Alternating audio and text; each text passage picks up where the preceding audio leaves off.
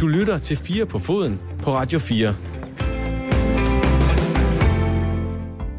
Klubben, der mere end nogen anden har insisteret på at være rodfæstet i det lokale, er nu blevet solgt. Ikke til en sønderjyde, ikke engang til en dansker, men til en amerikaner med daglig gang på Wall Street og økonomiske interesser i kaosklubben Sunderland, har altså kastet dollars efter de lyseblå fra Sønderjylland. Hvad betyder det for Sønderjyske, og hvad betyder det for Superligaen, når nu efterhånden over halvdelen af klubberne er ejet af udlændinge. Så skal vi også kigge på øh, FC Midtjyllands muligheder i den øh, anden kamp mod Slavia Prag. Øhm, og vi skal høre lidt røverhistorier fra Jakob Poulsen. Vi skal snakke med øh, Charltons nye ejer, Thomas Sandgaard. Vi skal også snakke med Philip Sinkernal, der har ramt sit livsform i Bodø Glimt i Norge. Og så er der lidt kig på de store overskrifter af de nyligt overståede spillerunder i de store ligaer i Europa. Et grundigere kig på Superligaen, og så er vi ved vejs ende. Velkommen til Fire på Foden. Jeg hedder Dan Grønbæk. Du lytter til 4 på foden på Radio 4. Goddag, Jakob Poulsen. Hej. Har vi det godt? Det har jeg i hvert fald. Velkommen tilbage. Ja, mange tak. Mange tak. Det var lige så, jeg troede lidt, jeg var, var røget ud, eller der var blevet lavet en udskiftning, men øh, nej, jeg hænger stadigvæk på. Det var, jo, men, det var jo dig, der også har skiftet ud, kan man sige. Ja, det er rigtigt. Ja. Nå, vi er gode venner. Ja, ja På der, det. der, der er blevet betalt, så, så vi, er, vi er tilbage. Der er et øh, bøvsevand derovre, og jeg vil sige, I får mig faktisk sekund, nu vi se, hvor godt det går i løbet af øh, programmet. Goddag, Gisle Thorsen. Goddag. Åh, oh, nu kan du høre mig. Det er nu kan dejligt. jeg høre dig. Nu kan Yes. jeg høre dig. Ja, hvis du skal sige, Jakob Poulsen er en tidligere fodboldspiller, hvis man ikke kan huske det, og Gisle Thorsen han er sportsjournalist på øh, Ekstrabladet. Øh, det er lige før folk, de kender dig ved efterhånden i det her program. Altså, at det, du er mere kendt end Poulsen igennem det her format, måske. Ja, Tror du ah, ikke det? ved det, nej, det tror jeg nok ikke. Det tror jeg nok ikke. Hvor meget skulle der egentlig til, for at blive sådan en rigtig øh, sådan fodboldjournalist? Altså, du ved, den der engelske tendens, hvor det er nærmest det er lige før fodboldskribenterne er større end nogle af spillerne. Ah, det, er de det herhjemme? Nej, det synes jeg slet ikke ikke. vel? Det- Nej, nej, slet ikke, slet ikke på nogen måde. Øhm, hvad skal du til? Jamen, vi skulle bo i et større land med et større sprogområde. Altså, det, det er meget simpelt. Det er, vi er et lille bitte land, desværre. Hvad er egentlig, som fodboldspiller, Jacob, hvad er jeres forhold til fodboldjournalister? Er, er der nogen, man sådan, altså, er I, læser I det også? Er der nogen, man, man på samme måde dyrker, som vi håber på, at der er nogle læsere og lyttere derude, der gør? Altså ved du for eksempel, at Gisle skriver noget, så er man sådan lidt, hvad? Ja, ja, lige nok. Altså, nej, det tror jeg ikke, der er mange spillere, der sådan, sådan dyrker det og har en journalist, de lige skal følge og høre, hvad han har, han har skrevet i løbet af ugen. Det tror jeg bestemt ikke. Men øh, man siger, herhjemme har man jo, eller de fleste har jo et godt forhold til journalisterne, og, og jeg tror da også, at det bliver selvfølgelig mindre og mindre, synes journalisterne nok, men indtil videre synes jeg da, at man også har haft okay muligheder med at, at komme i kontakt med spillerne. Så, øh, Hmm. så helt engelske tilstande er det i hvert fald ikke. Heldigvis ikke, nej. Det er rigtigt, hvad Jacob han siger. Altså, der er jo et, et, øh, det er jo også fint, det der med, at man, man kender hinanden, man også kan, kan snakke om andre ting end, end lige fodbold. Altså, det kan også lidt op for en stemning, øhm, at man, man, man får et lidt mere, hvad kan man sige, professionelt forhold til hinanden også. Apropos professionelle forhold, så er det faktisk noget af det, vi skal snakke om i dag også. Fordi man kan også nogle gange få lidt sådan nogle dobbeltforhold. Kom lidt for meget på kram, måske. Være lidt for involveret i det, man skal skrive om. Det skal vi også ind på i løbet af de næste par timer. Jeg kan lige sige, der er lige kommet øh, breaking news ind her klokken øh, 17.08 øh, den her mandag. Øh, AGF, får jeg at vide, i, mit, øh, i min øresnegl, en kæmpe stor hørebøffer, har skrevet under med Camille Grabara. Præsenteret ham. Det er, vel, det er vel en... Lad os lige tage den lynhurtigt, fordi vi skal alligevel til nyheder lige om to sekunder. Jeg har alligevel kun fundet to i den her uge, så det er da en kæmpe forstærkning. Er det ikke det umiddelbart? Gisle? Jamen, jeg tror faktisk, vi har skrevet lidt om det i, øh, i de seneste uger med, med den her Camille, at det, det, er det er noget, der hele tiden har ligget og lurer, men jo, det er det da. Nu så jeg, at David var ude og, og bakke op om Eskelinen, og sådan, og sådan skal det jo også være. Altså, han, er, han er den bedste, indtil han ikke er det mere, men, men hvis Grabater kan ramme det samme niveau, som han havde, da han var i AGF sidste gang, så, så er det da en upgrade. En uh, lejeaftale til sommeren 21, får jeg at vide, i Øresneglen indtil videre. At, øh, jeg kigger ud på produceren nu og siger, ved vi noget om en købsoption, fordi han er en relativt ung keeper. Det er ikke offentliggjort. Godt. Super. Jamen, det må vi se i den kommende dage. Øh, ved du noget, Gisle? Du plejer at vide langt mere end både mig og producer og resten i lokalet til sammen. Jamen, jeg har ikke, ikke lige på, på den her nu, men øh, altså det, jeg ved, det, det jeg ved, det er jo primært min kollega Claus Elund, der har beskæftiget sig med, med, med den del, men at det er et tema, der har, der har kørt i, mm. I et godt stykke tid, og, og nu har det så, nu er det så udmyndtet sig i en handel, og det er jo også et udtryk for, at man ikke helt synes, at Eskelinen har været, været, været den mand, der skulle tage dem op, øh, måske endda videre end den der tredje plads. Altså hvis man skal helt op og kæmpe med øh, mod FC Midtjylland primært, jamen, så, så skal du altså også have en bedre målmand. Ja. Man kan sige, det har jo ligesom været, det har måske ikke været et tema i AGF, siden Eskelinen er kommet, men det har jo været et tema i, i fodbold Danmark i, i rigtig, rigtig lang tid, og ja, i min måde, super, super signing. Øh, Du siger, det har været tema, altså generelt med gode målmænd, eller i AGF, at vi har snakket om, at de manglede en målmand. lige nøjagtigt, at man i AGF, altså når man har snakket om AGF, har man sagt, ah, den målmand, de har hentet der, det er måske ikke, øh, det er måske ikke lige så godt, som man måske havde forventet, Nej. det vil være. Og, øh, så jeg synes, det er, det er et fornuftigt køb, bestemt. Modtaget. Lejeaftale hedder det, det er jo ikke en køb. Nej, nu må vi se. Altså, det, jeg, synes, et år så plejer der gerne at ligge et eller andet i, øh, i, i enden på den, må vi også se. Monik, det, er, det er fra Liverpool, han er blevet hentet, jo, øh, skal vi huske at sige, for få, få det med os. Men det var en meget fin øh, start på, på den her lille nyhedsblok. Vi kan lige tage et par andre ting, jeg har skrevet ned, som jeg lige synes øh, var værd at vende for ugen, der er gået. Øh, Lionel Messi, han har endnu en gang øh, langet ud efter Barcelonas ledelse. Det er jo blevet ganske underholdende at følge med i efterhånden. Denne gang, der skete det i forbindelse med øh, Luis Suarez skifte til øh, rivalerne fra Atletico øh, Madrid. Han skriver på sin Instagram, som fodboldspillere jo gør nu om dagen, når de har noget at skulle sige. Øh, du fortjente en afsked, der var passende for, hvem du er. En af de vigtigste spillere i klubbens historie. Både for, hvad du gjorde for gruppen og individuelt, og ikke den afsked, de gav dig. Men det er sandt, at på det her tidspunkt er der intet, der kan overraske mig. Sådan lød en del af den her tekst, han lagde på sin øh, profil. Øh, Suarez, han øh, øh, græd lidt på et pressemøde, hvor han skulle fortælle, at han skiftede, og så gik han ellers direkte ind og blev skiftet ind og lavede to kasser i sin allerførste kamp for, øh, for Atletico Madrid. Hvor stort et tag for Barcelona er det, at man ikke har Suarez længere? Altså, er, han er sådan en spiller, der på en eller anden måde i den her Barcelona-krise er glidet lidt ud af min rangering af, hvor dygtig en angriber han egentlig er. Gisle? Jamen, jeg tror, han har lavet over 20 mål i hver eneste sæson, øhm, så selvfølgelig kommer der til at mange nogle mål. Øh, når det er sagt, så synes jeg heller ikke, at Suarez øhm, var den Suarez, som, som vi alle sammen nød at se, når han ikke lavede, lavede tossestreger. Øhm, hvis, hvis Barcelona skal tilbage, og det vil de jo gerne, så, så skal de jo op i niveauet, der er, der er tanden højere end, end Luis Suarez er nu 2020, men altså, jeg, jeg synes at stadigvæk, han er en fin spiller, men, men, men verdensklasse er han vel ikke længere. Er han stadig verdensklasse, Jacob? Han er i hvert fald stadigvæk rigtig, rigtig god.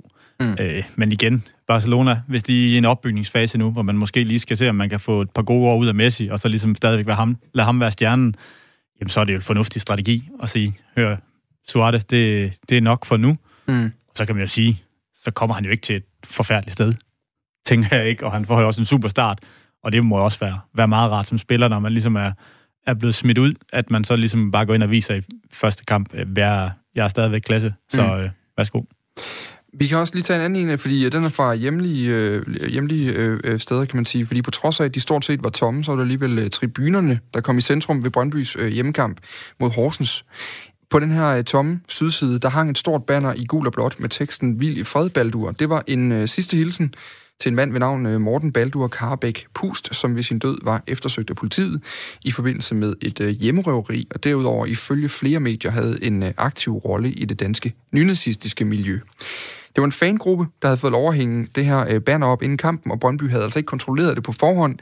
De opdager så i løbet af kampens første 17 minutter, at den måske ikke er helt god, den her. Og efter 17 minutter får de så pillet banneret ned. Øhm, efterfølgende har Christian Schulz, der er kommunikationschef i Brøndby, i en mail til politikken sagt, Kort efter kampen er startet, bliver vi opmærksom på de nærmere omstændigheder omkring den afdøde person, hvorefter vores stadionpersonale straks påbegynder nedtagningen af banneret. Som klub er det ikke noget, vi på nogen måde kan associere os selv med, og vi tager stærkt afstand fra det. Divisionsforeningen de har sådan et uh, sæt regler for, hvad bannere på de danske stadioner de må udtrykke, og der må de altså ikke udtrykke racistiske, homofobiske, politiske eller andre nedsættende og diskriminerende, diskriminerende ytringer. Politikken de har også talt med Jens Hjortskov, der er formand for fodboldens disciplinærinstans. Da de talte med ham, så var der stadig ikke afgjort, at man ville tage sagen op i instansen. Skal man tage sådan en sag op? Ja. Nej, det synes jeg ikke. Men jeg synes, Brøndby burde have, have undersøgt det lidt bedre inden. Men jeg synes, de gør det rigtigt ved at få det, få det pillet ned. Og så kan man sige, jamen det er jo heller ikke direkte homofobiske eller racistiske ting, der står på banneret, Nej. som jeg tænker, reglen er lavet for. Øh, For eksempel, jeg vidste overhovedet ikke, hvad det var, at, øh, hvad ham her Baldur, han var for en for, per person. Nej. Jeg tænkte selvfølgelig, at det var en, en Brøndby-fan af en art, men ellers vidste jeg overhovedet ikke noget om det, og det tænker jeg, der, det er der nok mange, der tænker den tanke trods alt. Det var lige det korte. Vi skal i gang med øh, dagens program, og øh, vi starter faktisk over ved dig, Jacob Poulsen. Fordi, øh, Gisle, har du lavet lektier på den her? Ja. Fedt. Jeg tænkte, at vi, før, da vi startede det her program, for øh, det er jo snart et lille års tid siden nu, der øh, var en, en del af programmet, det var ligesom, at folk skulle have anekdoter med. At vi havde en idé om, at det fede ved fodbold, det var også røverhistorierne.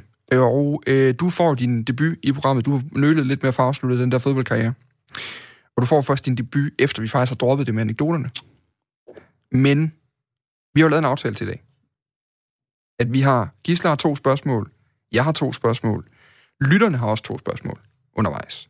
Og du har kun tre fodboldspillere øh, svar. Altså de der ingen kommentarer, øh, det kan jeg ikke sige noget om, øh, snak med min agent, øh, et eller andet værk. Det er aftalen, det er vi enige om. Jamen, det, det er helt fint. Det er okay med mig. Gisle, vil du lægge ud, så tænker jeg, at vi lige tager første ja, men, to ja, nu. jamen, der skal vi en, en tur til, til Monaco. Øh, og det gik jo godt i din første sæson.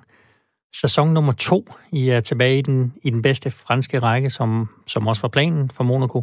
Der sidder nogle, lige pludselig nogle ret, ret store navne inde i det omklædningsrum. Øh, Øh, og så er der en Jakob Poulsen, der, der ikke rigtig spiller. Øh, hvordan så Moutinho, Falcao og så videre, hvordan behandlede de ham danskeren, øh, der, der ikke rigtig spillede nogen rolle i Monaco?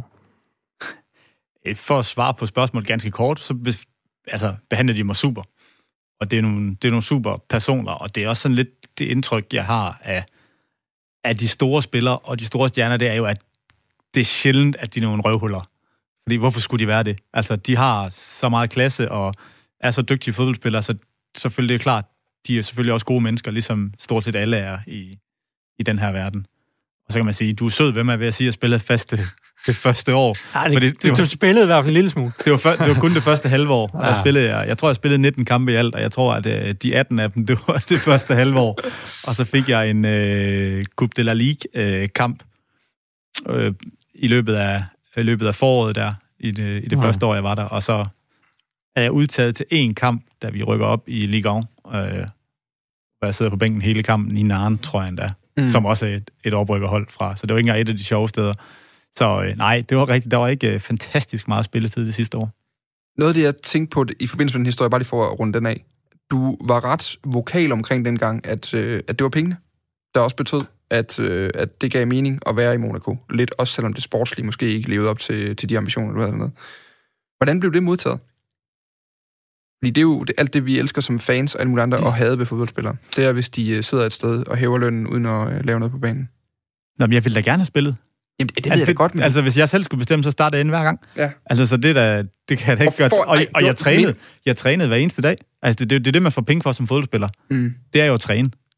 Og så du får lov at spille kampene, det, det er jo ligesom øh, kirsebær på, på toppen, altså hvor du ligesom får lov at, at folde dig ud og vise dig frem. Altså, det ville jeg da hellere end noget som helst, men det er da klart.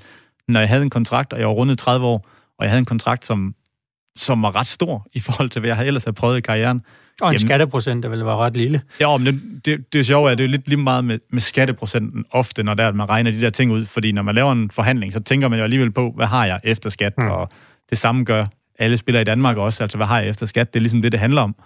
Så, øhm, men ja, ja, det er jo klart, det var økonomisk super for mig at være dernede, så jeg skulle ingen steder. Og det er da, det er jeg da glad for, at jeg, at jeg tog det valg.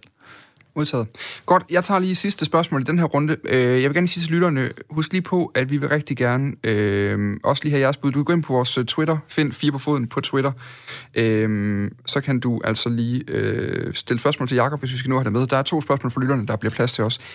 Jakob, jeg vil gerne høre, hvad sagde Brian Sten Nielsen til dig, da han havde været i Rom og tale med Iglitarte nede i Lazio? Og vi ved, der kommer en melding tilbage, der hedder, det her, det skal du ikke gøre. Hvad, hvad, hvad bliver der sagt der? Jamen, jeg, kan jo ikke, jeg tror jo ikke, Brian decideret siger til mig, det, det skal du ikke gøre. Fordi så han det nemlig være en dårlig sportschef for AGF. Fordi de var jo blevet stort, så de var jo blevet enige, klubberne ja. imellem. Øh, men jeg undersøger til, selvfølgelig tingene, også øh, og snakker både med mine agenter og en landstræner og en tidligere spiller, ikke også? Som har spillet i Italien i, i 13 år og kommer fra Aarhus af. Ja. Så, øh, så snakker jeg med, med dem omkring tingene og siger, hør, jeg har den her mulighed. Hvad, hvad er jeres umiddelbare reaktion? Og der var ikke ret mange, der talte positivt om det. Okay. Ik- ikke som sådan, som sådan Lazio, at det var en dårlig klub, men mere at, øh, hør her, der, ah, det var måske ikke så sikkert, og i min egen bog, altså Lazio har aldrig set mig spille live. Altså, de har fået tilsendt et video, da de, da de opsøger øh, Harald Nielsen og spørger, hvad, vi skal bruge en midtmandspiller nu her. De var lukket til nedrykning på det tidspunkt, der i, i vinterpausen. Hvem, hvem skal vi tage? Nå, men øh, der er den her dansker, Jakob Poulsen, her. Prøv lige at se noget video på ham, ikke også? Og så så de lidt video, og så tænkte jeg, "Jamen, det kan vi da godt. Mm. Og øh, det var usikkert. Meget usikkert, synes jeg, på det tidspunkt. Og så var der også nogle, nogle ting omkring forhandlingerne med kontrakten, at jeg ville gerne have haft en, en nedrykningsklausul, fordi på det tidspunkt, der gik det rigtig, rigtig godt, så jeg havde ikke nogen ambitioner om at skulle spille CB. Øh, men det kunne, jeg ikke, det kunne jeg glemme alt om. Om vi ikke vidste, hvilken klub det var, vi sad og forhandlede med. det, var, det var altså Lazio, så de, de rykkede ikke ned. Og det viste jo også at være sandt, de rykkede ikke ned. Men, øh, men på det tidspunkt, der var der mange ting, som ligesom var, var usikre.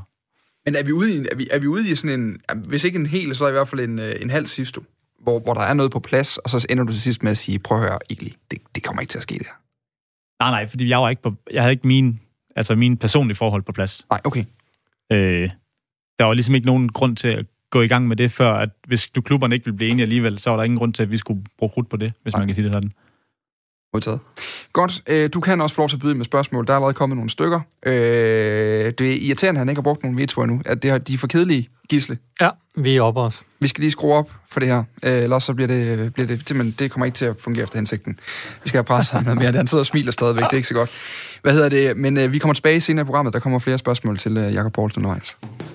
Du lytter til 4 på foden på Radio 4. Nu skal det handle om øh, det, det hele øh, det her program faktisk drejer sig om. Det er netop øh, den, den fodbold, der foregår aktuelt lige nu. FC Midtjylland, de skal på hjemmebane øh, på onsdag. Slå Slavia Prag for i hvert fald for at bevæge sig direkte i en Champions League øh, gruppespil for, for, for første gang. Udgangspunktet, det er både godt og skidt, kan man sige. Man sad på kampen, tror jeg godt, jeg kan tillade mig at sige, øh, i hvert fald i perioder, store perioder af det første opgør i Tjekkiet, men kom hjem uden det her udbanemål som altså ville have gjort tingene relativt meget nemmere. Det sætter dem under pres, fordi bare et enkelt tjekkisk mål i Herning er nok til, at, øh, at midtjyderne øh, for alvor skal, øh, skal stå testen. Hvordan står de på nuværende tidspunkt, Jakob? Jeg synes, de står godt. Jeg synes, de er en lille favorit nu. Men du siger jo også selv, det der ligesom er, er altafgørende, det er, at man forsår, formår at, at lukke af bagtil. Mm. Fordi hvis man først laver en enkelt fejl og dummer sig, så er der lige pludselig lang vej. så, øh, men jeg synes, de er, de er svag favorit, og jeg tror, at de, øh, jeg tror, de gør det. Gisle, hvordan står det i forhold til Slavia Prag, hvis vi skal sætte det op på den måde, også i forhold til den første kamp?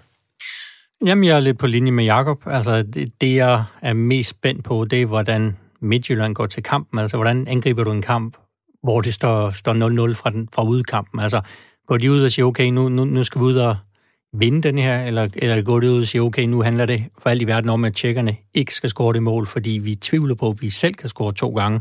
Øhm, så, så det er lidt med, med det der sådan mentalitet, altså hvordan går du ud til den kamp? Havde de tabt to i nede i Tjekkiet, men så havde den været, været mere klar, ikke? Så, så, så havde det været, været, været med, ikke håndbrændelsen fuldstændig sluppet, men, men i hvert fald med den der at sige, okay, nu ved vi, at vi skal ud og score. Nu her, der ved vi, at Midtjylland egentlig bare i gåsøjne skal undgå at indkassere, så når de i hvert fald en strafsparkskonkurrence. Så jeg vil sige, det er mentaliteten, som jeg vil kigge meget på. Og, og jeg ved ikke, hvad, hvad Jakob siger til det. Hvordan går man til, til sådan en kamp som, som spiller?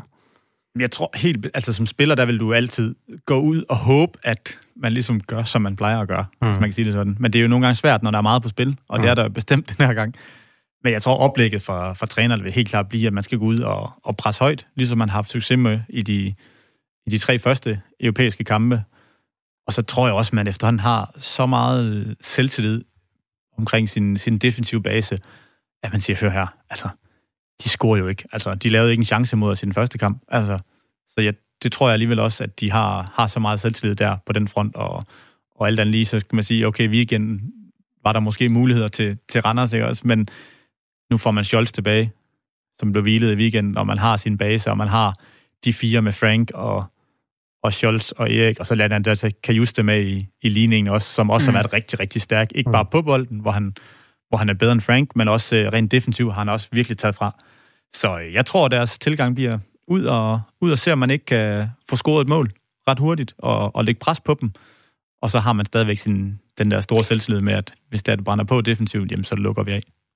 Ja, fordi noget, noget der er interessant, det er jo, at øh, FC Midtjylland lige nu, de er jo dybest set bedre FCK-hold, end FCK er. Altså i forhold til den måde, de spiller går til de her europæiske kampe på. De har den soliditet i den der bagkæde, som man har savnet, øh, eller som man i hvert fald, øh, som, som FCK-holdene var meget kendt for i de her, øh, havde at bruge det ord, men de her europæiske kampagner, som gik rigtig godt øh, på et tidspunkt. Altså, øh, men de går netop ud og dominerer Slavia Prag langt hen ad vejen i den, i den første kamp i hvert fald, i hvert fald i perioder rent offensivt. Altså, vil det, kan man godt spille på det, når man er i Midtjylland? Er de, er, de et andet, er de så godt et sted nu, at de er solide nok til, at vi kunne spille på, at øh, men ved du, vi skal i hvert fald bare sørge for, at de lukker af bagefter? Jamen, det tror jeg, de gør hver gang. Altså, det gjorde de også i hele sidste sæson. Altså, der har de så meget tro på dem selv i øjeblikket, at de ved, altså, de skal virkelig være dygtige, de andre, for, mm. for at lave chancer mod os. Øh, og så man sige, Slavia, altså jo jo Midtland, de dominerer kampen, men altså Midtland har heller ikke mange muligheder, hvis man kan sige det sådan. De har måske den ene, hvor, hvor Karpak glider igennem, hvor han kan spille, øh, er det sidste fri helt ja. på, inde på midten, ikke, op, som de misser, men ellers har de jo heller ikke meget. Så det er jo meget, altså det er jo faktisk en direkte kedelig kamp at se på en tilskuer. Ja, fordi når man kigger afslutningsmæssigt på det, så har, så har Slavia, altså de har flere afslutninger, end Midtjylland har i løbet af kampen, øh, både på, på mål og, og, og uden for mål. Altså, øh, Gisle, hvis vi nu skulle... Altså, jeg vil egentlig gerne stille samme spørgsmål til dig også, når du mm. ser Midtjylland spille. Altså, jeg kan ikke rigtig finde ud af, om det er en, en, øh, en holdbar strategi mod et europæisk hold, der har større klasse end mange af dem, de møder øh, uge efter uge i Superligaen, og bare satse på at lukke af. Jamen, det synes jeg heller ikke bare, at de gør. Altså, jeg, jeg synes, at de har noget, noget dynamik, de har noget fysik, som, som kan matche øh, i hvert fald, hvad kan vi kalde det, gode middelhold, gode europæiske middelhold, øh, som, som Slavia Prag er.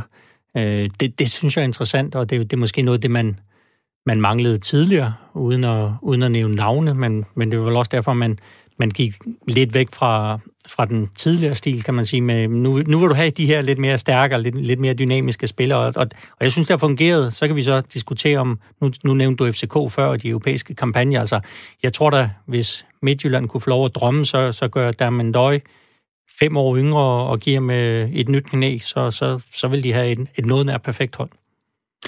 Øhm, hvordan skal de, altså, hvad er det, de skal spille på offensivt? Fordi nu sidst du bliver uden tvivl en vigtig brik i at få åbnet tingene op i, i det her, det her tjekkiske øh, forsvar. Men, men hvad, er det for nogle, hvad er det for nogle ting, der skal lykkes for Midtjylland? Nå, de, viste jo, de viste jo på standarder mod, mod øh, Young Boys, ja. at, at der, der kan de altså ramme, også som vi har set i Superligaen. Og så synes jeg også, de har, øh, de har jo også, de spiller Sisto, der med en enkelt aktion øh, drejer, både med, med en god pasningsfod, men også øh, selv med rigtig god afslutning. Jeg synes egentlig, de har de der individuelle spillere, der, der, der kan gøre det. Så kunne man bare ønske en mere, eller at, at øh, Kabar øh, rammer noget i morgen, eller på onsdag. Ja, altså hvis Kabar rammer niveauet fra anden halvleg mod Young Boys, så, øh, så det, ser det også fornuftigt ud med ham, fordi ja. der bliver han lige pludselig også en, en ufattelig vigtig opspilstation, som ja. ligesom også kan... Altså, fordi man kan sige, Midtland, de spiller jo mange længere bolde. Ja. Og hvis han ikke leverer og holder fast i den, når den kommer derop, og man ikke får fat i anden boldene, jamen så bliver det en forsvarskamp. Og det er det, han gør rigtig, rigtig godt mod Young Boys, og som han måske ikke gør specielt godt mod Slavia i den første kamp. Og så vil jeg gerne lige smide Paulinho i, i puljen omkring mm. de offensive kræfter, men jeg er også helt enig i, at det bliver Paulinho, Pione og, og Drejer, også, som, som skal lave det for Midtland rent offensivt. Hvis vi prøver at tage glæderne på forskud og kigge lidt længere frem, og lad os sige, at de kommer i det her gruppespil, og det, de, de får brugt den der, den der glasvæg, der er ind til, til næste niveau, eller det der glasloft, eller hvad delen der, man taler om, så, så kan man sige, at ja, Steinlein har sagt til DR, at de mange millioner, man kan hente på at, at ende Champions League-gruppespillet, de skal ikke nødvendigvis bruges på nye spillere, de skal bruges på at opdatere... Nye trænere. ja, øh, det kan være, vi skal finde honorar til Jakob Poulsen på et eller andet tidspunkt. Det, her, det kan godt være, det begynder at blive pinligt på et eller andet tidspunkt løbet af efteråret.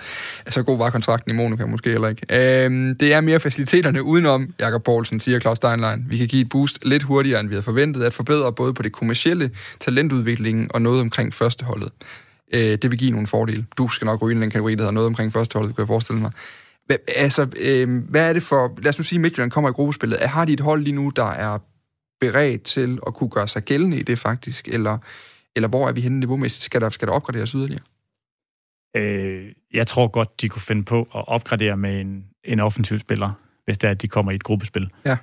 Øh, men rent sådan holdmæssigt og, hvad skal man sige, defensivt, der synes jeg, at de har niveauet. Og der tror jeg, de vil være problematisk for rigtig, rigtig mange hold at, at spille mod. Både fordi, at man, hvis man holder ved i stilen og ikke er nervøs for at gå op og presse, så har man stadigvæk uh, nogle, nogle ufattelig dygtige bag, spillere bag til, som godt kan, kan tage fra alene også. Mm. Så jeg synes, det ser, det ser fornuftigt ud, og jeg tror, de, de er klar til det. Hvor vil du kigge uh, hen for at, at, at gøre det helt uh, Champions League klart, Gisle?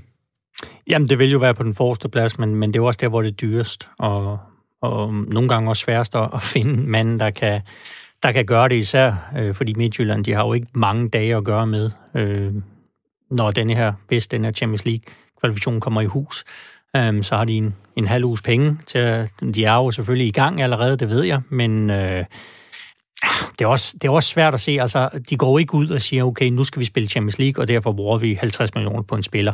Altså det skal jo også give mening, også efter øh, den her Champions League-kampagne. Så det er jo noget med at sige, okay, kan vi, kan vi finde en, en spiller, som øh, til en fornuftig pris, som kan gøre sig gældende nu, og som vi forhåbentlig også på et tidspunkt kan sælge, jamen så, så gør vi det. Men det, men det er også der, man har, man har flest penge i klemme, hmm. hvis man kan sige det sådan allerede. Både med, både med Junior og med, og med Kabak, også? Altså, hmm. hvor man nok har brugt, jeg ved det ikke, men tæt på 40 millioner. Ja. Vil mit gæt være på de to, ikke også? Altså, så det er jo ikke bare, altså, så det er også en udgift der. Der tænker jeg, at jeg som klub også gerne vil have nogle penge ind igen. Og, og gerne det hele, hvis jeg kender, kender Midtland ret. Og lidt til også måske endda. Øhm, jeg kunne godt tænke mig lige at, at kigge på, på den centrale midtbane også, fordi nu taler du netop om Kajuste, som jo har været en... Øh, han, har, han har set dygtig ud rigtig lang tid, men han har i hvert fald været lidt en åbenbaring på den måde. Man har set ham i de europæiske kampe, hvor han har løftet sit niveau sammen med modstandernes niveau, der også det, kan man sige. Øh, Onyeka har vi også alle sammen talt om, i hvert fald de sidste halvårs tid, om hvor dygtig og hvor vigtig han egentlig var. Men, men lige bag ved dem, så begynder det at se svært ud øh, synes jeg, når man kigger på det. Er det jo ikke også en position, hvor der kan opstå svagheder, hvis man lige pludselig skal ud i et gruppespil, hvor der ligger øh, øh, nogle kampe der ved siden af en Superliga-sæson, der også kan køre videre? Jamen, man har jo, man har jo brugt Evander også, som en af de to øh, konsulerende, hvis man kan sige det sådan. Og det tror jeg egentlig stadigvæk gerne, man vil gøre. Altså, det er også en spiller, som, som alt andet lige måske ville vokse lidt, hvis han fik lidt mere tv på sig, hvis man mm. kan sige det sådan. Og, og også en spiller, som kan, kan holde fast i bolden. Han fylder måske ikke så meget defensivt som de to andre. Og så har man jo Nikolas Madsen, som har været sindssygt god, synes jeg, i de kampe, han har fået i, i Superligaen. Og det er jo klart, at han har selvfølgelig ikke fået så meget europæisk spilletid endnu, fordi de, de to andre har gjort det så godt, som de har. Men altså, der tror jeg også, man vil vælge en strategi øh, internt og sige, okay, så lad os da hellere give... Øh, man forventer nok ikke at blive nummer et eller nummer to i, i Champions League-puljen, medmindre man trækker altså, nogle helt, helt vilde hold, men det tænker jeg ikke, man gør. Så, øh, så jeg tror stadigvæk, at det vil være en idé også for midten at sige, hør her, lad os, lad os spille med de unge, vi har. Ja. Og det har vi gjort godt i en helt uh, Superliga-sæson nu, og har, har vundet suveræn mesterskab i Danmark. Og hvorfor ikke give dem det næste, de næste øh, hår på brystet, hvis man kan sige det sådan, ved at, ved at spille dem i Champions League også? Og så virker både Kajuste og Onyeka også som, det ved jeg godt mere om end mig, men de virker ret holdbare. Altså det, det, det er jo ikke der, du har en eller anden fornemmelse af, okay, der, der lurer en skade lige om lidt. Så, så de har jo også den mulighed at sige, okay, så hviler vi en af dem i Superligaen, og der er massen fuldt ud god nok til at spille også, så vi kan vinde, og så kan vi så topholdet i de her Champions League-kampe. FC Midtjylland, de spiller altså onsdag den 30. september. Jeg har fået styr på datoren i dag. Gisle. Øh, torsdag den 1. oktober, der spiller FCK øh, på hjemmebane mod øh, Rijeka i, øh, i kvalifikation til øh, Europa League playoff-runden der. Skal vi lige kort vende den, Gisle? Jeg ved, du har en del fokus på blandt andet den kamp. Altså, hvordan, hvordan står den, og hvad ved vi egentlig der? Ja, men det er jo bare den her kamp, hvor igen et eller andet sted FCK, de skal ud og, og redde deres europæiske sæson øh, på torsdag. De skal i det her europæiske gruppespil. Øhm, der er vel cirka 55-60 millioner minimum på spil for dem øh, som, som de har budgetteret med i, i et årsregnskab i en koncern, der er meget, meget hårdt ramt. Mm. Så altså, det, er, det er meget, meget vigtigt, at, at, at de vinder den kamp. Jeg tror ikke, det bliver nogen øh, specielt flot kamp, øh, men, men den der europæiske erfaring, som FCK har, og på en eller anden måde vinder de der kampe, også på lidt mærkelige måder, den, den tror jeg kan blive afgørende, og så hjemmebane selvfølgelig. Der er jo rigtig meget snak lige nu, blandt andet i din øh, egen avis. Jeg mener, du øh, havde en historie faktisk øh, om Victor Nelson, øh, der skulle være bud efter fra, øh, fra Aston Villa. Øh, 75 millioner efter sine skulle øh, Johan Lange have sine øh, lange fingre øh, ude efter, ude efter øh, vel den bedst spillende forsvarsspiller i FCK lige i øjeblikket. Øh, hvor, øh, jamen, øh, du havde ikke skrevet historien, hvis ikke der var noget i den. Hvor, hvor, hvor, hvor, hvor langt er vi i den proces, og hvad, ja, hvad, men hvad det, er virkeligheden der? Det, jeg, vil, jeg vil sige, det jeg hører med, med Premier League-klubber generelt, at det, det er det, at der bliver, bliver kigget på Victor, og der godt kunne, der kunne komme noget, noget ret konkret også på ham øh, inden for de kommende dage. Øh, men som jeg hørte, så vil FCK på den anden side 100 millioner, før de, de overvejer at sælge ham. På den anden side 100 millioner? Ja. Jeg hører et beløb, Jacob, der hedder omkring 15 millioner euro. Jacob, øh, kan vi, lige, kan vi lige prøve at få sat ord på dit ansigtsudtryk, da der blev sagt 100 millioner lige før? Det er, fordi jeg har skrevet her i mine notater, jeg tænkte faktisk, det var en fin pris for ham på de 75, så jeg blev lidt overrasket over det. Øh, nej, jeg synes, at han er vanvittigt vigtig og god, og han er ung stadig. Så det er jo klart, der er også et, et videresalgspotentiale i ham for en, eventuelt en, en Premier League-klub, hvis det, hvis det kommer dertil. Øh, men 100 millioner, så synes jeg måske også, at, øh, at vi, er, vi har ramt max for en, øh, for en forsvarsspiller fra, fra Superligaen, og det vil jeg også sige, at, øh, at 80 millioner vil være. Så øh, jeg synes 100 det er for meget. Øh, men jeg kan da godt forstå, at SK gerne vil have 100. Noget, jeg undrede mig over, øh, faktisk, Gisle, lige en lille øh, meta-historie på den her, det var, at øh, Ståle Solbakken mm. kommenterede jo på det her rygte. Og han var ude at sige, det var, jamen, han var nærmest ude at kalde jer løgner. Sige, der har, det har intet på sig, der er ikke noget. Johan Lange kunne aldrig finde på at gå efter Victor Nielsen i FCK lige nu. Hvordan, øh, nu, ja, det lytter det program, vi også ved, jeg tidligere har sagt, at øh, jeg har måske lidt mindre flatterende ting om transferrygter generelt, men, men hvordan er det at stå i den situation lige nu, hvor den bliver afvist så tydeligt? Oh, er det bare ja. spil for galleriet, eller hvad? Ja, sådan er det jo en gang imellem, du kan sige, at der er, der er nogle kilder, der siger, siger én ting, og andre siger noget, noget andet. Øhm, så kan der jo også være noget omkring forløb, hvornår noget er sket, og hvornår er noget fuldstændig formelt, og hvornår er, er noget noget andet. Altså, mm. det, det er jo også en, en del af spillet. Men, hvordan, men, men stadigvæk, altså, jeg kan ikke undgå nogle gange at tænke, hvis jeg så, øh, jeg er jo også journalist, øh, selvom det godt kan være svært at, at, at forstå en gang imellem, når jeg møder rundt i data, eller i datoer og alt muligt andet pjat i det her program, men, øh, men, men når nu hovedkilden, altså ham, der skal sidde og sælge, han siger, det er fuldstændig, det er fuldstændig dumt, jeg har ingen intentioner om det, øh, der har ikke været noget bud, der er ikke nogen interesse, Johan Lange kommer aldrig til at købe, altså det, det er bare... Så, så kommer han næppe til at, til at sælge ham i hvert fald til Aston Villa. Ja. Det, det er jo det, vi kan konkludere ud af det, i okay. hvert fald. Modtaget. Vi tager den øh, videre. Jeg har lige fået et, et af de tweets, der er kommet, Jakob, synes jeg faktisk, og den tæller ikke som et spørgsmål, den her. Nå, okay, så vi kører bare mere på for at mm. få... Ja, ja, ja, jeg tænker, hvis de er for bløde, så ryger de udenom den kategori. Vi gemmer ja. det gode til vores uh, leje i dag. Men der er en, der skriver her øh, til øh, Fiberfoden, skriver han nemlig, at... Øh, nu skal jeg lige finde her. Jeg læste engang, at øh, Jakob Poulsen var mentor for Nikolas Madsen i FC Midtjylland. Hvordan ser Jakob på Nikolas udvikling, og hvor god kan han blive? Øh, det er rigtigt, at det var jeg i min sidste tid i Midtland. Øh, jeg synes, at han har, altså, han har leveret på et, et højere niveau, måske, end jeg egentlig havde forventet, at han ville gå ind og gøre i, i Superligaen. Øh, jeg synes, han hurtigt, han, altså, han var en, en stor profil for U19-holdet. Og, og nogle kampene var det for, hvis man skal sige, var det for lavt niveau til ham. Og det gjorde også, at han måske selv faldt lidt i niveau, fordi han ikke behøvede at, at gøre sit bedste, hvis man kan sige det sådan. Øh, altså, men hvor god kan han blive? Man kan sige, lige nu, der har han jo stadigvæk et stykke vej op til de to, der ligger foran ham, og som ikke er ældre end ham, eller i hvert fald marginalt ældre end ham. Så, øh, så det er jo klart, der er stadigvæk rigtig, rigtig lang vej, og også hvis man vil spille på et, på et tophold, men han er, han er godt på vej, og øh, det bliver spændende at se øh, og følge, og ja, altså man var måske ikke så sikker på for, for et års tid siden, at han ville få så meget spilletid, hvor både øh, øh undertegnet og, og Tim Spau også løb rundt på midtbanen, og man både så havde Jens og, og Frank foran sig, så, så er der lige pludselig lang vej, men øh, det sidste års tid har gjort, at nu er han lige pludselig tæt på, og det bliver, det bliver fedt. Er han klar til det? Altså, det, det, det, det skal Midtjyllands uh, trænerstab jo selvfølgelig vurdere. Der er du, ikke, du er ikke ansat endnu i hvert fald. Uh, men men vil, du, vil du være nervøs ved at skulle spille med ham som fast? Lad os nu sige, at smutter. Øh, ikke i Superligaen. Det vil jeg ikke. Det synes jeg også, han har vist. Øh, godt nok ikke over så mange kampe, men stadigvæk, at du går ind på, på et tophold, og også, øh, jamen også her mod Randers, kommer han jo også ind og, og gør det rigtig, rigtig godt, synes jeg, og, mm. og ligesom får ro på, og, og ja, tager kontrol på kampen, og det synes jeg, det er stærkt, og det er også bare den måde, han skal fortsætte på. Altså brystet frem, og så ind og, ind og styre det, fordi når man har tekniske kvaliteter, som han har, og, et, og overblikket, jamen så skal man ikke gå og gemme sig, så bliver du nødt til at, at sætte det i spil. Du lytter til Radio 4. Gisle Thorsen, din, uh, din uh, ugens historie, tror jeg lige, vi tager her nu, for lige at få en, uh, få en pause. Ja, altså det jeg gerne, rigtig gerne vil tale om, det er jo lidt trættende, men, men det her var og, og hånd på bolden. Altså den der hands uh, i England, altså det er, det vil drive mig til vanvid. Og rigtig mange andre også, tror jeg.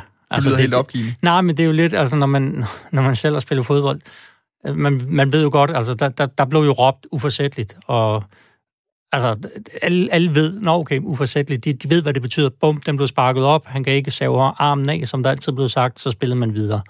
Nu her, der, der virker det som om, at armen skal bare være en lille smule ude, og så en, en modstander fra, fra få meter, der, der sparker bolden op, bum, straffespark. Og det, det kan jo ikke være meningen. Altså, straffespark, spillets største chance, skal du jo ikke få på noget, øh, som vi kan kalde lidt halvt tilfældigt. Men hvordan vurderer man det? Fordi det interessante er jo i de her situationer, at, at det er jo altid, det foregår ofte på sådan noget klumpspil inde i feltet, hvor der er en, der står lidt underligt, og så bliver der sparket, og så, lige så står man i situationen. Det er jo svært at vurdere, om det var blevet til en oplang scoringschance, om du så lige pludselig bagefter har 11 mand plus det løse, som er sure over, at den her hånd hjælp til at skabe den der åbne modchance. Ja, men jeg synes generelt, der er, der ikke ved at komme lidt for mange straffespark i fodbold. Altså, det, det er en, en, en, hvad er det, 75 procent af alle straffespark, der bliver scoret på. Altså, det er næsten et mål. Mm. Øhm, og, og nogle af de ting, du får det på, er, har jo ikke...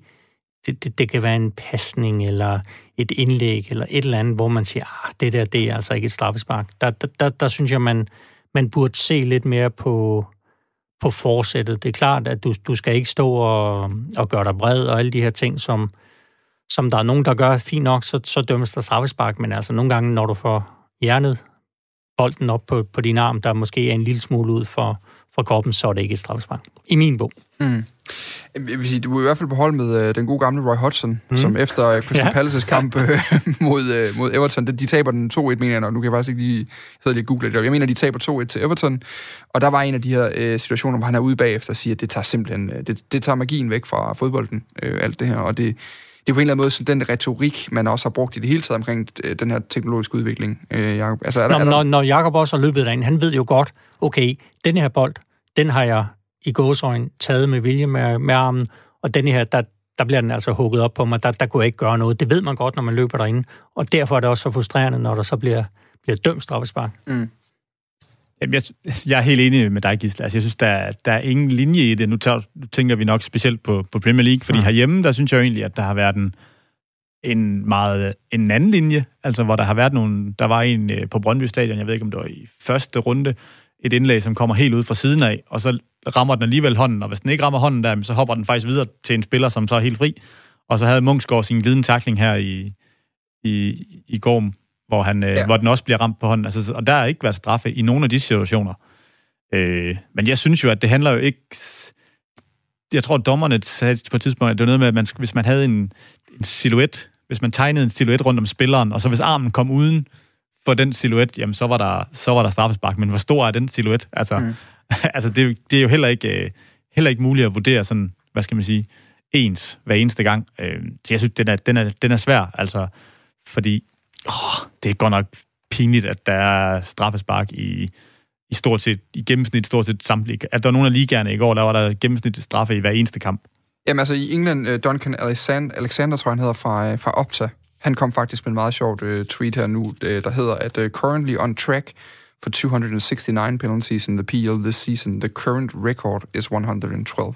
Altså lige nu er man på vej, hvis det fortsætter det her, på vej mod 269 straffespark i Premier League-sæsonen. Øh, den, den nuværende rekord er 112.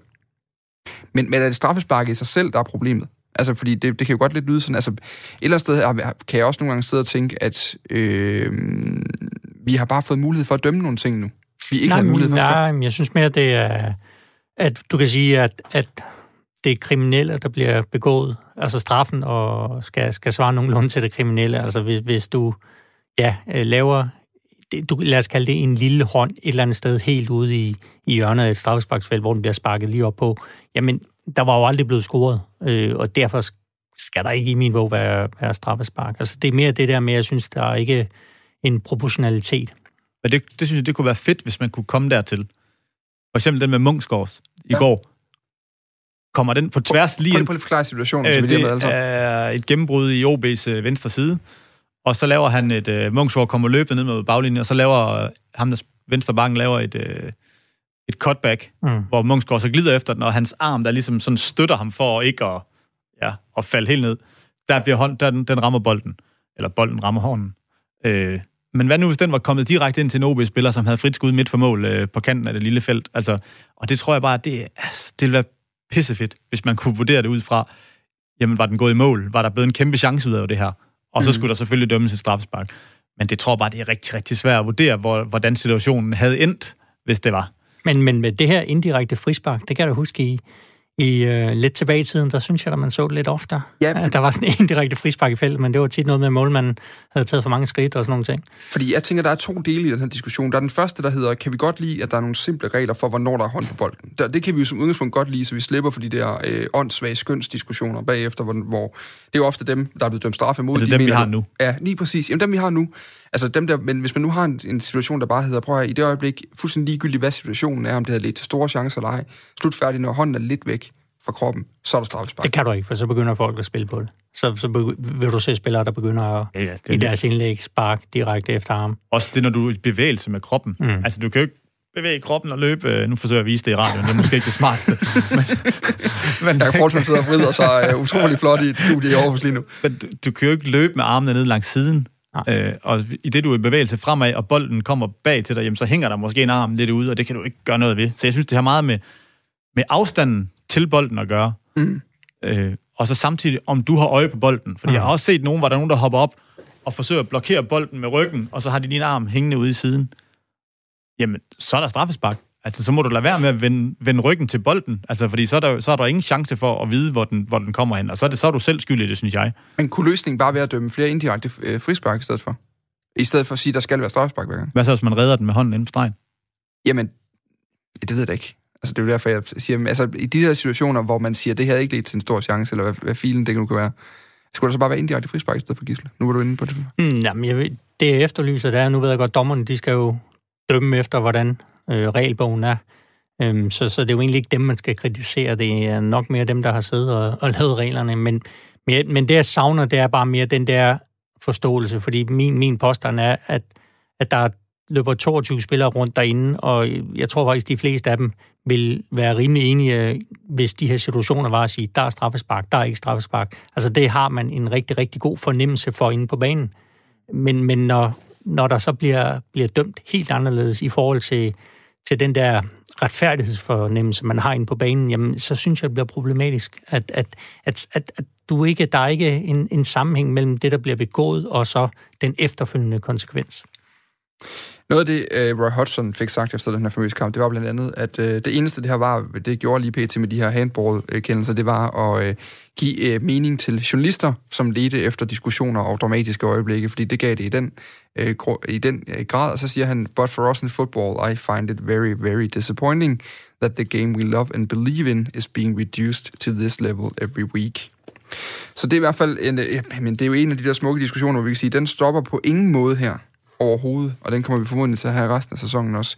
Vi kan sige, at uh, Leicester, de har fået fem straffespark allerede nu. Der er spillet tre runder i Premier League på nuværende tidspunkt. Det er jo en okay statistik. Det er sådan nærmest Manchester United-tal. Mm-hmm. Vi uh, skal videre til uh, Sønderjyske herhjemme. Du lytter til 4 på foden på Radio 4. Fordi at danske fodboldklubber i både Superligaen og første division kommer på udenlandske hænder, det er efterhånden ikke noget nyt. I Sønderjyske, der har de tidligere været at lufte ideen om at sælge klubben der kommer alligevel ud af den, den blå luft her nu, da, da, da klubben for Sønderjylland i tirsdags lige pludselig meldte ud, at nu er de simpelthen blevet solgt. En fond med det mundrette navn, Fonden til Fremme af Elitesport og Kultur i Sønderjylland, tidligere stod som ejer af, af fodboldklubben, da de gjorde det. Så var det en helt paraplyorganisation med ishockey og håndbold, øh, som, øh, som ligestillede søskende. Der river fodbolddelen sig nu ud af den konstellation. Det gør den, fordi den amerikanske Platek-familie fra New York har købt klubben.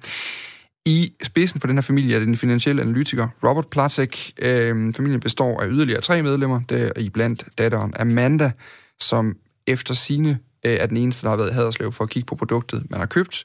Men det er sådan cirka også det, vi ved om de nye ejere af de regerende pokalmestre. I vores søsterprogram her på Radio 4, Sportsugen, der talte Claus Elgaard i torsdags med bestyrelsesformanden i Sønderjysk Elitesport, Claus Guldager, om hvem de her amerikanere egentlig er. Det jeg ved, det er, at øh, det er en øh, sportsglad familie, som, øh, som har en økonomisk formåen, øh, gør, at, at det har været relevant at, at interessere sig for at købe en fodboldklub i Europa. Og hvorfor man har kigget på, på Skandinavien, det, øh, det har jeg kun et bud på, eller gæt på. Og det er, at, øh, at i Skandinavien, der, der har man skandinaver med, med de værdier, der nogle gange er forbundet med det. Og øh, der har man så kigget igennem lang tid på, på danske øh, klubber og øh, herunder på, på Sønderjyske. Og man har haft nogen til at hjælpe sig med at øh, researche rigtig godt. Man har kigget på vores værdier, man har kigget på de personer, der driver det. Ikke så meget i bestyrelseslokalerne, men mere øh, i dagligdagen. Og det vil sige alle de gode folk, der, øh, der arbejder øh, med lyseblåt blod i årene øh, 24-7 et andet spørgsmål, der så melder sig cirka samtidig, det er de økonomiske muskler, som amerikanerne giver Sønderjyske. For hvad kan man i fremtiden gå efter øh, dernede? Vil en spiller som sommerens store transfer i Superligaen, Kamil Vilcek, med medfølgende stor lønpakke være aktuel, spurgte Elgård så Gulager. Det meget kort svar er, at, at det tror jeg, vi skal, vi skal se på. Øh, altså, vi skal se tiden an. Det er det, jeg mener. Øh, jeg, jeg kan ikke svare dig på, om, om man vil være bejler i, i den liga, eller om man vil have en, en lidt anden tilgang til det, om man vil udvikle dem selv, for eksempel. Øhm, det, det, det må vi se. Men jeg er ret sikker på, at i løbet af, af forholdsvis overskuelig tid, der vil man nok få en fornemmelse af, hvilken retning vi er på vej i.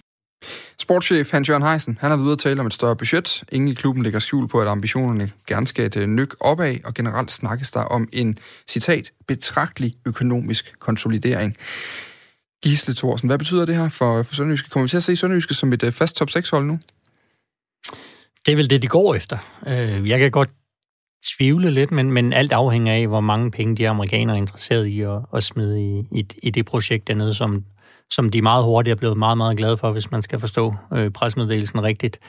Um, det er dyrt at skulle konkurrere med, med FC Midtjylland, med FC København, med AGF, med Brøndby også. Altså, der, der, der er altså et stadig et, et stort gap op til, til de klubber, som skal dækkes. Øh, og det er jo ikke noget med, at Sønderjyske kan lige pludselig øh, fordoble deres kommersielle indtægter.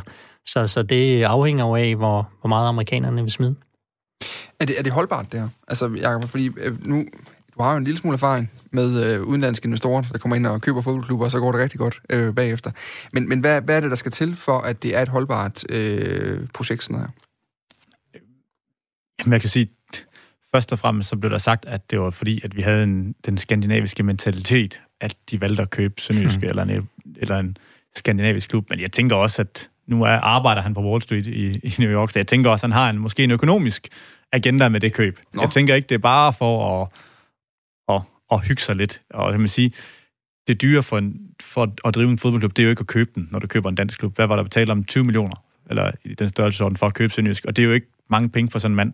Det dyre kommer jo nu, hvis du vil virkelig satse, og hvis du vil op, jamen, så skal der investeringer til. Om det skal være akademi, der så vent ja, fem år, indtil det måske skyder lidt af sig, eller, eller om man skal ud og lave en, øh, en køb-salg-strategi, eller, eller hvad man nu vælger.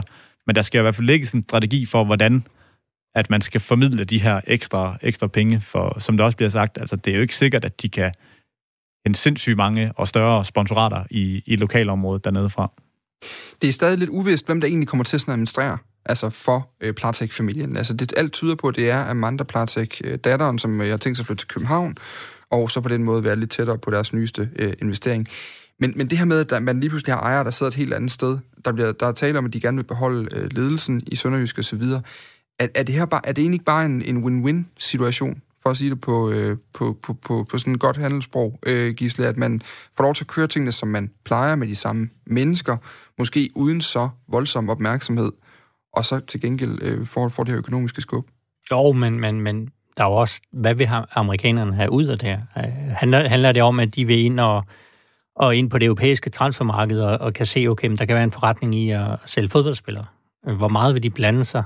Øh, det er jo det, er jo det, det er fint, at man, man lader den nuværende ledelse køre videre, men, men nu er det jo dem, der bestemmer. Nu er det jo, nu er det jo dem, der, der kalder skuddene. Øhm, og det er jo det, der bliver interessant, hvordan det udmyndter sig i, i praksis. Et, hvor mange penge kommer de til at smide? To, hvordan bliver strategien? Handler, handler det om, at nu vil man vinde noget sportsligt, eller, eller handler det om, at nu vil man prøve at se, om man kan få en del af den der store transferkage, som, som der er? Men, men hvis vi lige prøver at blive i det her med, sådan, hvad, hvad det gør ved en klub også, Jacob. Altså, da Benham kommer ind i Midtjylland øh, på det tidspunkt, det er vel i juli 14 eller sådan noget, den stil, han begynder at, at rykke ind i Herning. Hvad gjorde det ved klubben? Altså, hvad skete der i klubben? Hvad var det for nogle, nogle ting, der foregik der? Så først og fremmest så reddede det klubben jo, kan man sige, fordi man var i alvorlige økonomiske problemer derude på det tidspunkt. Det er ikke mit indtryk, at Sønderjysk skal det nu. Øh, men det er jo klart, altså han kom jo ind med nogle værktøjer og en, og en strategi, og han havde, altså han har jo hele sin, øh, sin virksomhed Smart Odds bag, hvor han ligesom rent statistikmæssigt har en kæmpe database, som man lige pludselig kunne, kunne bruge i fodboldklubben. Og det må man sige, det har jo vist sig at være en, være en kæmpe succes. Og det har også gjort, at man ligesom kunne ja, bruge den der køb-salg-strategi, hvor man køber billigt, og så alligevel får dem, får dem skudt til sted til en, til en markant højere pris. Men det, altså Ankersen var også med der, men ellers så var det jo de, også de samme mennesker, men, men rykker det noget ved, altså vi ved jo faktisk ikke, hvad de har tænkt sig at komme med, om de bare sætter en pose penge, eller om de også har et eller andet, øh, hvad ved jeg, sportsligt sat op, de kan bruge til noget. Det tyder det ikke på, på nuværende tidspunkt med Platik her. Men en ting er, at han kommer ind med Smart Odds. Den historie har vi hørt masser af gange om, og vi kan jo se resultaterne af det, at det, det har rykket øh, Midtjylland rigtig langt. Så kom man jo også med noget, noget know-how fra Brentford. Lige præcis. Altså, han, han, han var jo, eller, han er jo fodboldmand. Men det er mere for at sige, de der, de der sportslige ting, hvis vi lægger dem til side, og de er centrale, så det kan virke underligt at gøre, men, men, men det her med, at der kommer en ny ejer ind, siger jeg bevarer, for de er jo stort set de samme mennesker, der bliver i Midtjylland efterfølgende også, og der han kommer ind af. Altså, hvad, hvad gør det stadigvæk? Altså, skaber det usikkerhed? Skaber det tryghed? Skaber det øh, ambition? Altså, hvordan, hvordan udvikler det sig sådan også på det personlige plan, du synes? Altså først og fremmest kan man sige, Benham, han er jo ikke en fodboldekspert på nogen som helst område. Han er virkelig, virkelig god og klog til matematik og, og fysik og nogle andre ting. Men han er til gengæld også klog til, til forretningen, at han ved, okay, så skal jeg omgive mig med nogen, som virkelig har forstand på det her. Og der var de jo tilfredse med det, de trods alt havde i Midtjylland. Og på den baggrund, så skabte det selvfølgelig også en, en masse tryghed i klubben. At man lige, nu, lige pludselig havde økonomi til at, at skalere op. Ikke bare fortsætte, men, og ikke bare overleve, men lige pludselig tryk på, tryk på gaspedalen, og lige pludselig rigtig blande sig i, i kapløbet med FCK, ikke også? Mm. Og det var, øh, det var jo super. Altså på den, den tryghed, der kom der, og hvis det er samme tilgang, hvad skal man sige, Platek han har i, i Sønderjyske med, at han vil gerne smide penge i, i butikken, og, men han stoler stadigvæk så meget på, på de folk, der er i Sønderjyske, jamen så er det også en, en vis tryghed, som, som de har i deres daglige arbejde, og, og også at man måske kan, kan tage nogle chancer. At ikke at være bange for, og fordi lige nu i Midtland, der er man jo ikke nervøs for at tage en chance. Altså bare man lige snakker om det til frokostbordet, så næste, så næste formiddag, så er den jo stort set sat i værk. Altså, og hvis, så kan man tage nogle chancer, og det er der, man også kan, kan vinde, tror jeg. Og ikke være så nervøs for at sige, åh, hvis vi tager en chance nu, jamen, så, så skal vi altså spare resten af året. Så, men, det er jo også, men det er jo også et meget, meget stort skridt for en, for en klub, at ligesom sige, okay, nu, nu giver vi nøglerne til en anden. Fordi hvad, hvad den dag er Platek ikke har lyst til at, at være en del af Sønderjyske længere, hvis, hvis den dag kommer. Og sige, hvem, hvem er det så, der overtager? Altså, det er jo lidt, du, du sejler lidt ud på, på ukendt farvand. Øhm, og, og, altså, det, det er i hvert fald, jeg vil ikke kalde det faren, men, men det er jo i hvert fald, hvad kan man sige, den anden side af, af historien at sige, okay, nu, øh, nu ligger magten hos en anden, og nu kan den anden jo gøre med, med klubben, mm. som, som den person ønsker.